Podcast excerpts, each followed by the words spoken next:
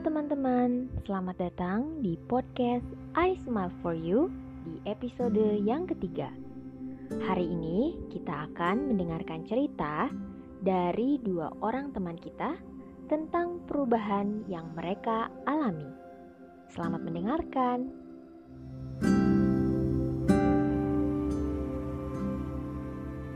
Halo, aku Priscilia Lianda. Aku berumur 16 tahun. Kesibukanku saat ini menjadi salah satu siswa di SMA Negeri di Bandung.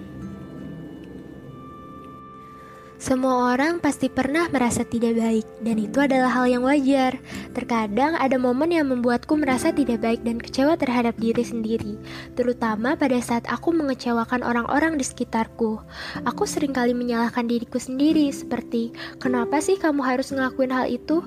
Kenapa sih kamu buat orang-orang kecewa? Kenapa kamu gak bisa berperilaku baik terhadap orang-orang?" Kata-kata seperti itu sering kali aku ucapkan kepada diriku sendiri dan akhirnya ya itu membuat diriku merasa sangat sedih. Namun semakin lama aku tuh sadar kalau ngenyalahin diri sendiri itu gak nyelesain masalahku. Menyalahkan diriku sendiri tidaklah membuat orang-orang yang telah aku kecewakan merasa lebih baik. Dan sebenarnya wajar kalau kita ngelakuin kesalahan Hingga pada akhirnya, aku berusaha untuk berdamai dengan diriku sendiri. Aku berusaha memaafkan semua kesalahan yang pernah aku buat. Aku juga berusaha untuk merangkul diriku sendiri dan bangkit. Lalu setelah itu, aku berusaha untuk meminta maaf kepada orang-orang yang telah aku kecewakan dan memperbaiki semua kesalahanku. Bicara tentang momen tersulit ya, bagiku momen tersulit yang pernah aku hadapi dalam hidup adalah ketika aku duduk di bangku kelas 9. Awalnya semua berjalan dengan baik. Aku memiliki banyak teman dan merasa sangat nyaman di kelas. Hingga pada suatu saat ketika aku sedang mengobrol bersama teman sekelasku, ada salah satu temanku yang mengatakan, "Ih, kalau dilihat-lihat kamu gendut ya." Saat itu aku hanya tertawa karena bagiku itu hanyalah sebuah candaan. Akan tetapi, makin lama makin banyak teman sekelasku yang mengatakan hal serupa dan menjadikan itu candaan tanpa memikirkan perasaanku lagi dan akhirnya aku kehilangan rasa percaya diriku. Aku sering insecure saat di depan kaca dan merasa aku itu tidak sempurna dan tidak berharga lagi. Lalu perlahan, akhirnya aku jarang menyapa teman sekelasku dan jarang lagi berkumpul dengan teman sekelasku. Aku lebih sering menghabiskan waktu dengan temanku di kelas lain. Akan tetapi, aku sadar bahwa lama-kelamaan aku tidak punya teman di kelas. Saat ada pembagian kelompok, jarang sekali ada teman yang mengajakku untuk satu kelompok dengan mereka. Aku juga jarang diajak belajar bersama. Aku merasa sangat dilupakan di kelas dan merasa tidak nyaman untuk berada di sana. Tapi di sisi lain aku sadar bahwa itu adalah kesalahanku juga. Aku yang menarik diri dari kelasku karena tidak bisa menerima kekuranganku sendiri. Ternyata ada satu teman di kelasku yang menyadari hal itu. Dia sadar kalau aku jarang banget bergaul di kelas dan aku juga mulai memberanikan diri untuk cerita padanya. Setelah aku sering bercerita padanya, dia memintaku untuk menerima diriku sendiri. Dia bilang aku cantik dan tak seburuk yang aku pikirkan. Perlahan, aku mulai menerima diriku lagi dan rasa percaya diriku juga mulai tumbuh lagi. Setelah itu, dia mengajakku untuk mengobrol bersama teman sekelasku, berkumpul lagi dengan mereka, dan tidak menyendiri lagi. Akhirnya, saat semester 2 di kelas 9, keadaan sangat membaik. Aku sudah mempunyai banyak teman yang lebih bisa menerimaku, dan aku merasa sangat dihargai. Halo, namaku Haura, aku 17 tahun, Aku merupakan mahasiswa di salah satu perguruan tinggi di Indonesia. Seperti orang pada umumnya, aku tentunya punya banyak banget harapan yang pengen banget aku capai. Salah satu harapan terbesarku adalah aku pengen banget jadi orang yang banyak membuat perubahan, terutama dalam kesehatan mental di negara ini.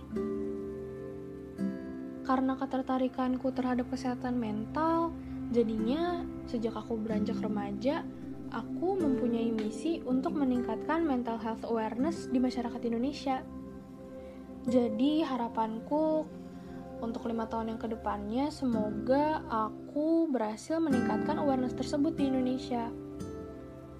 Kalau harapanku untuk individuku sendiri sih, aku berharap diri aku di lima tahun yang akan datang akan tetap menjadi orang yang mempunyai semangat hidup positif.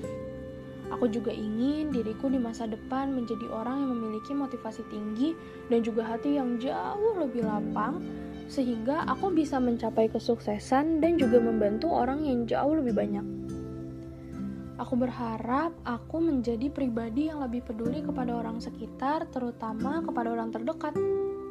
Aku berharap diri aku di lima tahun yang akan datang memiliki semangat yang tinggi untuk terus menjadi manusia yang lebih baik lagi jadi manusia yang mampu membuat banyak perubahan baik dalam hidup ini.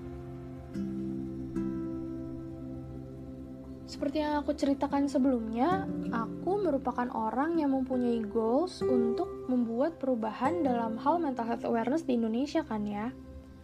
Maka dari itu, aku memulai untuk mewujudkan mimpiku tersebut dari hal yang paling kecil dulu, yaitu dengan cara menunjukkan rasa peduliku kepada orang di sekitarku. Nah, cara aku untuk nunjukin rasa peduliku ini dimulai dari hal yang kecil terlebih dahulu, misalkan dengan memberikan senyum kepada orang di sekitarku, menyemangati orang di sekitarku, mendengarkan mereka kalau mereka lagi butuh cerita, dan menjadi teman yang baik untuk mereka. Menurut aku, empat hal ini merupakan langkah yang paling simpel untuk nunjukin rasa peduli kita kepada orang lain. Nah, semakin dewasa, terutama saat aku udah masuk kuliah, aku mulai belajar lebih banyak mengenai psikologi. Maka dari itu, aku juga menunjukkan rasa peduliku dengan memberikan edukasi mengenai kesehatan mental kepada teman-teman terdekat serta keluargaku. Selain itu, aku juga belajar jadi pendengar yang aktif bagi teman-teman yang membutuhkan bantuan. Lalu, aku juga turut membangun lingkungan dengan atmosfer yang lebih positif dengan membiasakan orang-orang untuk lebih self-love atau mencintai diri sendiri dan juga orang-orang di sekitarnya. Setelah aku masuk kuliah, aku mulai tertarik sama komunitas kesehatan mental karena menurutku untuk membuat sebuah perubahan tentunya kita harus mulai gerak kan ya. Nah, Terus suatu hari aku diceritakan oleh temanku yang kebetulan pernah jadi listener di Smile For You. Dia cerita katanya Smile For You ini merupakan sebuah komunitas yang berfokus kepada kesehatan mental atau mental health awareness. Terus aku mikir, wah kebetulan banget, aku kan juga punya goals yang sama kayak mereka. Lalu setelah aku stok Instagramnya, ternyata mereka lagi buka anggota untuk Happiness Ambassador aku langsung tertarik untuk join karena Happiness Ambassador ini punya misi untuk menyebarkan semangat hidup positif di masyarakat Indonesia yang which is aku juga punya misi yang sama gitu kan.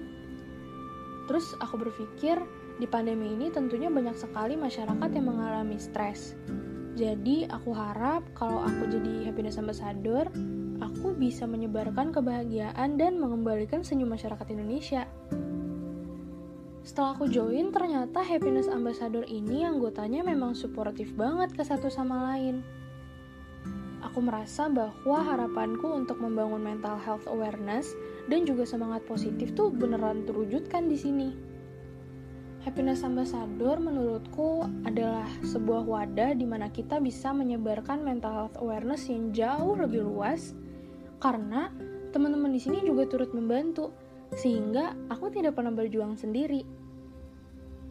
Setelah aku menjadi happiness ambassador, ternyata ada juga nih beberapa teman aku yang akhirnya ikut juga jadi happiness ambassador. Setelah mereka menjalani program yang ada di happiness ambassador, teman-temanku jadi lebih sayang kepada diri sendiri dan juga mereka ikut menyebarluaskan hidup positif ke lingkungannya. Jadi menurutku dengan ini semangat hidup positif akan terus menular dari satu lingkungan ke lingkungan yang lainnya. Maka dari itu, aku seneng banget jadi happiness ambassador di I Smile For You karena selain platform yang besar, happiness ambassador juga punya banyak banget program yang bermanfaat.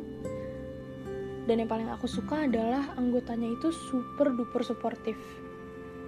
Dengan itu, aku bisa mewujudkan harapanku satu persatu.